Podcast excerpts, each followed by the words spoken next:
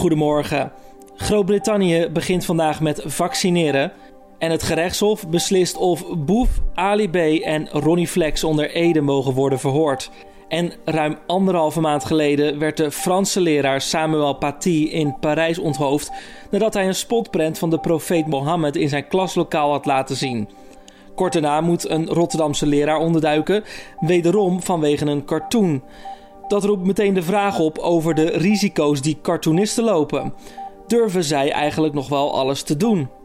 Dit wordt het nieuws. Niemand had kunnen voorspellen dat een vijf jaar oude cartoon waar de profeet Mohammed op geen eens op staat, dat die voor ophef zou zorgen. En, en dat is een beetje uh, het, het waar je als cartoonist uh, anno 2020 uh, mee geconfronteerd wordt. Is dat je eigenlijk heel moeilijk kan voorspellen wat, dat, dat wat je tekent, of dat mensen boos gaat maken of niet.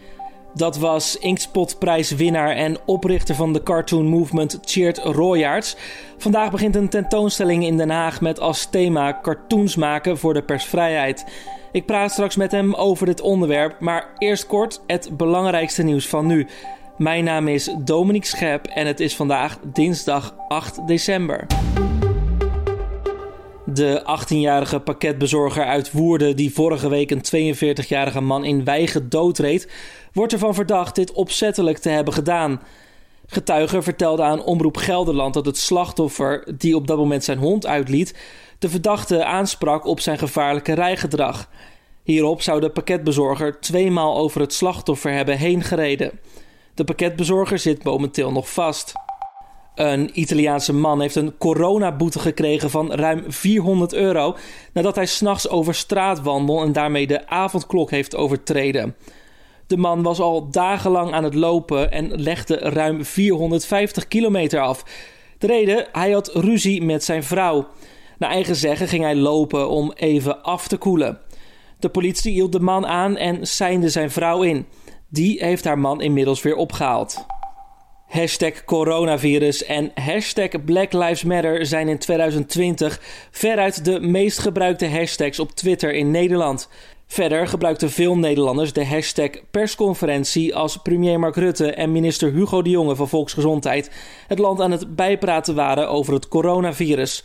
De top 10 van de populairste hashtags in Nederland wordt verder afgemaakt door Trump, lockdown, durf te vragen, Jinek, blijf thuis, op 1 en tot slot Rutte. Burgemeesters zijn vrij positief over de naleving van de mondkapjesplicht die op 1 december is ingegaan. Dat zei Hubert Bruls, voorzitter van het Veiligheidsberaad, maandagavond na afloop van de vergadering met de burgemeesters. Volgens Bruls zijn er in een handjevol regio's boetes uitgedeeld voor het niet naleven van de plicht. De Belarussische president Alexander Lukashenko is komende zomer als hoofd van het Nationaal Olympisch Comité van zijn land niet welkom op de Olympische Spelen in Tokio.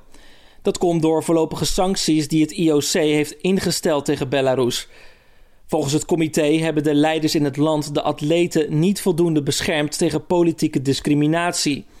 Op de Spelen van 2016 in Rio de Janeiro deden 124 sporters uit Belarus mee. Zij veroverden 9 medailles. En dan over naar het nieuws van de dag: cartoons voor persvrijheid.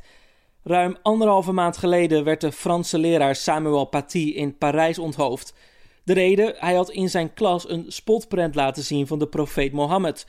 Kort daarna gebeurde een ander voorval in Rotterdam.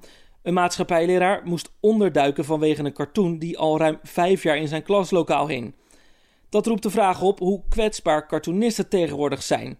Durven zij eigenlijk alles nog wel te doen of zijn ze bang voor represailles? Vandaag opent in Beeld en Geluid Den Haag de tijdelijke tentoonstelling Cartooning for Press Freedom. Ik praat erover met Inkspot-prijswinnaar en oprichter van de Cartoon Movement, Cheert Royaerts.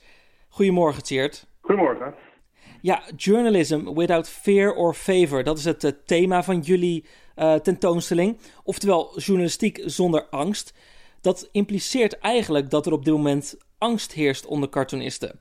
Klopt dat? Nou, ik, ik denk dat als je naar het, beeld in zijn algemeenheid kijkt voor cartoonisten en ook voor journalisten, dat, dat het broodnodig is dat we aandacht besteden aan, aan, aan persvrijheid. En ik denk dat dat thema, journalism without fear or favor, uh, dat dat goed gekozen is. Uh, omdat je toch steeds meer bedreigingen ziet en manieren waarop cartoonisten en journalisten geïntimideerd worden.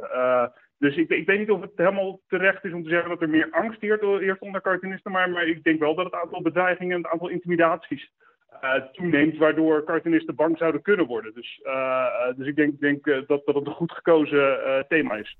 Mm Bedoel je hiermee de recente gebeurtenissen in Parijs en in Rotterdam?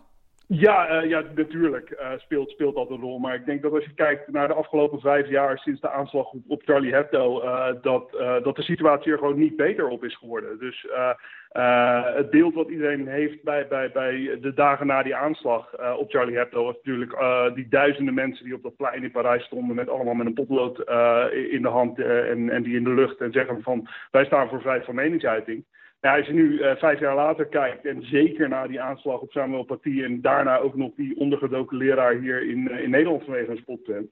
Uh, dan denk ik dat we met z'n allen moeten constateren dat, dat het bedroevend slecht gaat met, met satire en met hoe mensen daarop reageren. dus, dus ja, alles wat, wat, we, wat we kunnen doen daar aandacht aan te besteden is goed, denk ik. Mm. Heb jij zelf ook met bedreigingen te maken gekregen? Uh, ja, ja, ja, zeker. Uh, kijk, uh, ik, ik, denk dat elke cartoonist wel, wel tot op zekere hoogte met bedreigingen te maken krijgt. Ik heb zelf wel het geluk gehad dat het nog niet heel dichtbij is gekomen of heel, in die mate bedreigend is geweest dat ik er wakker van heb gelegen. Maar het is wel zo, bijvoorbeeld met, met, met de organisatie die ik, die run, Cartoon Movement, dat, dat we daar af en toe toch wel echt flinke, flinke bedreigingen krijgen. Bijvoorbeeld in, in 2018 was Geert Wilders van plan om, uh, om die tentoonstelling in de Tweede Kamer te uh, organiseren over de profeet Mohammed en cartoons daarvan. Uh, en, en, toen hebben wij uit Pakistan wel duizenden bedreigingen gehad, omdat in Pakistan ze het idee hadden dat wij als Nederlandse cartoonorganisatie daar wel mee te maken zouden hebben. dus, dus ja, dat, dat is iets wat, wat er blijkbaar bij hoort bij het vak op, op dit moment. Mm, ja, hield je daar op dat moment dan ook rekening mee? ging je bijvoorbeeld bepaalde onderwerpen vermijden? Um, ik, ik, hoop te denken van, van, van niet. Uh, kijk, het is, uh, ik, ik, het is natuurlijk zo dat, dat sinds 2015 en misschien al sinds 2006, toen de eerste cartoon, cartoons voor ophef zorgden, die toen in deze krant werden gepubliceerd van de profeet Mohammed en toen er wereldwijde protesten waren, Um, ik, ik, denk dat iedereen of iedere cartoonist zich wel drie keer achter de oren krabt voordat hij de profeet Mohammed tekent natuurlijk. Omdat dat een soort buitencategorie is waarvan je weet dat een consequentie van het tekenen van de profeet geweld kan zijn. Uh, het probleem is van, van, van het huidige tijdsgezicht is dat het, dat het steeds onvoorspelbaarder wordt wat bedreigingen oproept. En als je, als je gaat kijken naar die spotpunt van Hugh Bertrand, waardoor die leraar is ondergedoken, dat was een spotprint die naar aanleiding van de aanslag op Charlie Hebdo was gemaakt vijf jaar geleden. Het is een, een, een cartoon waar de profeet Mohammed geen eens op staat. Er staat een extremist op, uh, een terrorist eigenlijk. Um, dus uh, niemand had kunnen voorspellen dat een vijf jaar oude cartoon waar de profeet Mohammed op geen eens op staat, dat die voor ophef zou zorgen. En, en dat is een beetje het, het rare waar je als cartoonist anno 2020 uh, mee geconfronteerd wordt, is dat je eigenlijk heel moeilijk kan voorspellen wat, dat, dat wat je tekent, of dat mensen boos gaat maken of niet. Uh, dus wat dat betreft is het eigenlijk ook nauwelijks mogelijk om bepaalde onderwerpen uit de weg te gaan. Uh, ja, ten, tenzij je helemaal niks meer over terrorisme zou mogen tekenen nu, omdat, omdat dat blijkbaar ook al te gevoelig is. Dus dus ik hoop van mezelf te denken dat ik juist daardoor wat zwaarder word. En denk ik, ga, ja, ik, ik, ik, kan het toch niet voorspellen. Dus ik kan net zo goed eigenlijk uh, tekenen wat ik wil tekenen. En dan uh, daarna wel zien wat er gebeurt. Mm, ja, maar je zou eigenlijk ook juist kunnen denken... dat is het, het hele idee van satire. Dat je juist mensen tegen de tenen trapt. Dat je juist bepaalde uit, reacties uitlokt. Want dat is toch eigenlijk het hele idee achter satire, toch? Ja, en ik denk, ik denk uh, dat dat ook iets is uh, wat, wat we duidelijk moeten maken op scholen en bij, bij de jongere generatie vooral. Uh, is dat satire inderdaad bedoeld is om je aan het denken te zetten. En dat, dat jou kwaad maken en jou chockeren, dat dat hele goede middelen kunnen zijn om jou aan het denken te zetten over iets. En dat dat nadenken over bepaalde onderwerpen weer belangrijk is om deel uit te maken van een democratische maatschappij. Omdat uh, je moet deelnemen aan het publiek debat en je mag een mening hebben en je moet juist meedenken over, over hoe we dit land met z'n allen inrichten. Uh, en, en, satire heeft daar inderdaad de rol in uh, dat, dat we tegen de schenen schoppen en dat we een beetje de, vinger op de zere plek leggen. en dat dat echt een essentieel onderdeel van dat publieke debat is. -hmm. jullie, jullie, hebben nu deze expositie in beeld en geluid in Den Haag. Was het thema eigenlijk al voor die gebeurtenissen in Parijs en Rotterdam bedacht? Ja, ja, ja. Die, dat thema journalism with a fair or favor, dat, ligt geloof ik al een, een jaar vast. Misschien zelfs anderhalf jaar. Want zo'n zo'n voorbereiding van zo'n conferentie duurt natuurlijk heel erg lang. Maar, het geeft ook aan uh, dat dit al langere tijd speelt. Dus het is helemaal niet zo dat, dat dat plotseling nu weer in het nieuws is gekomen met Samuel Paty uh, en de andere recente gebeurtenissen. Het is, als je naar de afgelopen vijf of zelfs tien jaar kijkt naar, naar hoe de situatie is voor, voor journalisten en voor cartoonisten wereldwijd Ehm, dan, dan zie je een, een glijdende schaal naar beneden, waar, waar steeds meer uh, uh, het vak bedreigd wordt en uit, uit van allerlei kanten ook bedreigd wordt. Dus je hebt de opkomst van autoritaire regimes die persvrijheid niet heel fijn vinden. dus je hebt dus van die kant, maar je hebt het dus ook van de kant van, van, van extremisten. Uh, en van andere mensen die zo kwaad worden over, over bepaalde journalistiek en bepaalde vormen van satire, uh, dat ze uh, de mensen die dat maken gaan, gaan bedreigen. dus, dus wat je ziet is een toename van bedreigingen en ook het aantal hoeken waar het vandaan kan komen neemt toe. Hoe veilig voel jij je eigenlijk om te tekenen wat je wilt? jij woont natuurlijk in Nederland en we hebben hier eigenlijk vaak de indruk dat het wel goed zit met die persvrijheid. Um, klopt die indruk? Uh, deels wel natuurlijk. Uh, kijk, we, we staan al sinds dag in de top 5 van, van de Freedom Index elk jaar. Dus als je gaat kijken naar, naar, naar censuur vanuit de overheid of vanuit zeg maar instituties, dan, dan is die inderdaad heel laag. maar we hebben dus wel te maken met die bedreigingen uit andere hoeken. Ja, het feit dat een, een leraar in Nederland moet onderduiken vanwege een spotprint dat, dat is natuurlijk zo absurd, dat is, dat is onvoorstelbaar uh, dat dat in Nederland kan gebeuren. Maar het geeft, geeft ook aan dat wij dus niet helemaal gevrijwaard zijn in Nederland uh, daarvan. Dus, dus aan de ene kant ja, en aan de andere kant nee. En dat nee heeft te maken met dus die onvoorspelbaarheid van, van dingen. Dat je, dat je eigenlijk niet meer weet wat mensen boos maakt. En, en ten tweede niet meer weet uit welke hoek die bedreigingen dan precies gaan komen. Hmm, ja, wat ik ehm, eigenlijk ook wel bijzonder vind, is dat in Parijs een docent een spotprint liet zien. Uh, en hier in Rotterdam hing de cartoon eigenlijk gewoon aan de muur. Uh, beide docenten waren niet de makers van de cartoon, maar eigenlijk de verspreiders, als je het, als je het zo mag noemen. Um, merk je dat er nu meer terughoudendheid is bij kranten of uitgevers om cartoons uh, wel of niet aan te komen kopen uit angst voor deze bedreigingen? Uh, nee, tweeledig. Uh, ten eerste merk ik dat er zorgen zijn bij, bij collega's. Uh, omdat, nou, weet, weet dat Joep het echt heel erg vond, Joep Bertams, de maker van die spot, waardoor die uh, cartoonist is ondergedoken, dat, dat iemand vanwege zijn werk wordt, wordt bedreigd. En dat is natuurlijk ook heel naar, want als cartoonist of als satiremaker kies je voor een deel voor, voor het vak en, en de consequenties die erbij kunnen horen als je, als je mensen boos maakt. Maar het feit dat andere mensen in de problemen komen door jouw werk, uh, ja, dat, dat is gewoon heel, uh, heel, erg moeilijk. Uh, en dat zou ik ook heel erg moeilijk vinden als, als cartoonist. Dus dat begrijp ik. ten tweede, de, ik, heb, ik heb tot op heden in Nederland in ieder geval nog, nog niet, niet gemerkt dat er terughoudender wordt gereageerd door, door redacteuren. Maar als je internationaal gaat kijken, uh, vorig jaar is de New York Times, de International Edition, natuurlijk gestopt met het, uh, met, met het publiceren van politieke cartoons naar aanleiding van één controversiële cartoon. en dat is wel echt een teken aan de wand. Want, want, die zijn toen, hebben eigenlijk gezegd van, oh jee, er is één cartoon geweest. En die, dat was toen een cartoon van een Portugese cartoonist die ze hebben afgedrukt. En daarna was er heel veel ophef in Amerika, omdat die cartoon antisemitisch zou zijn, omdat Netanyahu erop stond en Trump in een bepaalde houding. Uh, en toen hebben ze gezegd, nou dan printen we maar helemaal geen cartoons meer. Uh, en dat is natuurlijk een hele enge ontwikkeling. Uh, dus dit is ook weer een ontwikkeling die, die niet per se de afgelopen weken in een stroomversnelling is gekomen, maar een ontwikkeling die je al een paar jaar ziet, waarbij, en dat heb ik minder in Nederland, dat zie ik meer in het buitenland, waarbij bij redacteuren toch steeds meer timide worden en inderdaad bang zijn voor de consequenties die cartoons kunnen oproepen. En dan toch vaker kiezen voor, voor de brave cartoon dan voor de controversiële cartoon uh, die, die mensen boos zou kunnen maken.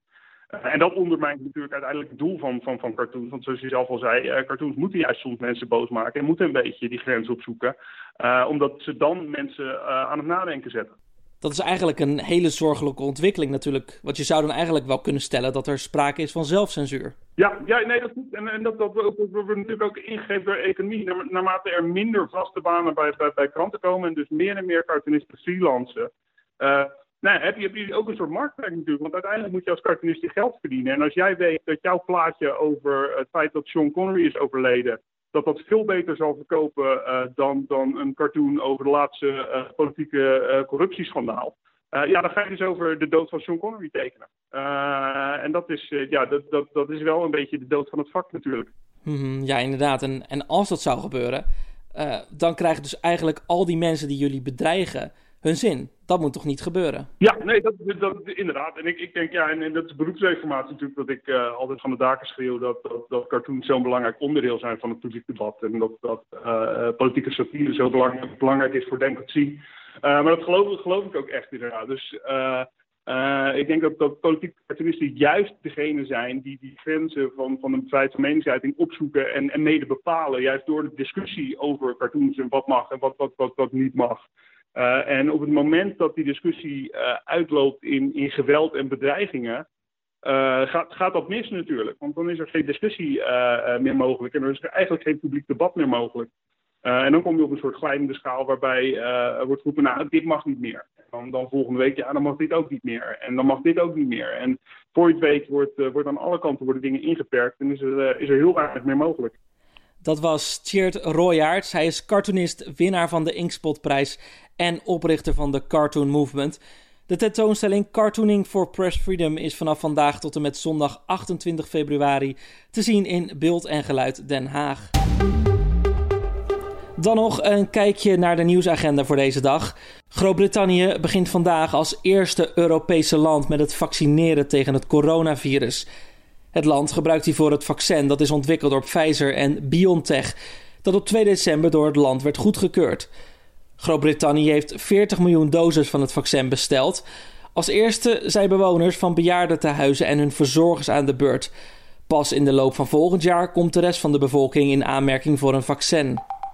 En vandaag beslist het gerechtshof in Leeuwarden of onder andere de rappers Boef, Ali B en Ronnie Flex binnenkort onder Ede worden verhoord. De stichting Music Me Too wil iets aan het in haar ogen vrouwonvriendelijke en discriminerende gedrag van de rappers doen. Om die reden wil ze de artiesten en een aantal managers laten verhoren over hun vermeende wangedrag. Dat zou eigenlijk in juni al gebeuren bij de rechtbank in Lelystad, maar de rappers gingen in beroep. En de Nederlandse handbalsters moeten vandaag Hongarije verslaan om überhaupt nog kans te kunnen blijven maken op de Europese titel. De wereldkampioen verloor in Denemarken de eerste twee groepswedstrijden tegen Servië en Kroatië. Kroatië is al zeker van een plek in de volgende ronde. Servië en Hongarije staan momenteel tweede en derde. Alleen de eerste drie landen uit de pool gaan door. En dan nog heel belangrijk, een kijkje naar het weer van Weerplaza. Moet je vandaag een paraplu meenemen of niet? Alfred Snoek gaat dat ons vertellen. Goedemorgen Alfred. Goedemorgen. De ochtend start op sommige plaatsen met mist en zeker op lokale wegen kan op de koudste plaatsen ook gladheid voorkomen. Maar in de loop van de dag dan loopt de temperatuur uiteindelijk weer op naar waarde van zo'n 3 of 4 graden. Alleen in een geval van hardnekkige bewolking of mist kan de temperatuur vanmiddag wat lager uitpakken. Er is niet veel wind, zwak tot matig uit zuidelijke richting en daardoor is het in elk geval een stuk aangenamer dan gisteren. Vanavond en vannacht komen opnieuw opklaringen voor en in die opklaringen is opnieuw lichte vorst mogelijk en regionaal zal op, uh, wederom een mist ontstaan. Lokaal kunnen wegen opnieuw bevriezen, want natte weggedeelten kunnen toch voor gladheid zorgen. En tot slot dan nog dit. Vandaag komt in Nederland het nieuwe boek uit van Paus Franciscus. De titel Let Us Dream: De weg naar een betere toekomst. Eén opmerking: het boek is voorlopig wel alleen nog te lezen in het Engels. In het boek roept de paus mensen op om een betere, veiligere en gezondere wereld samen te maken na de coronacrisis. En tot zover deze ochtendpodcast voor dinsdag 8 december. Heb je tips of feedback? Mail ons dan via podcastapenstaartje nu.nl. Mijn naam is Dominique Schep. Ik wens je een fijne dinsdag en tot morgen.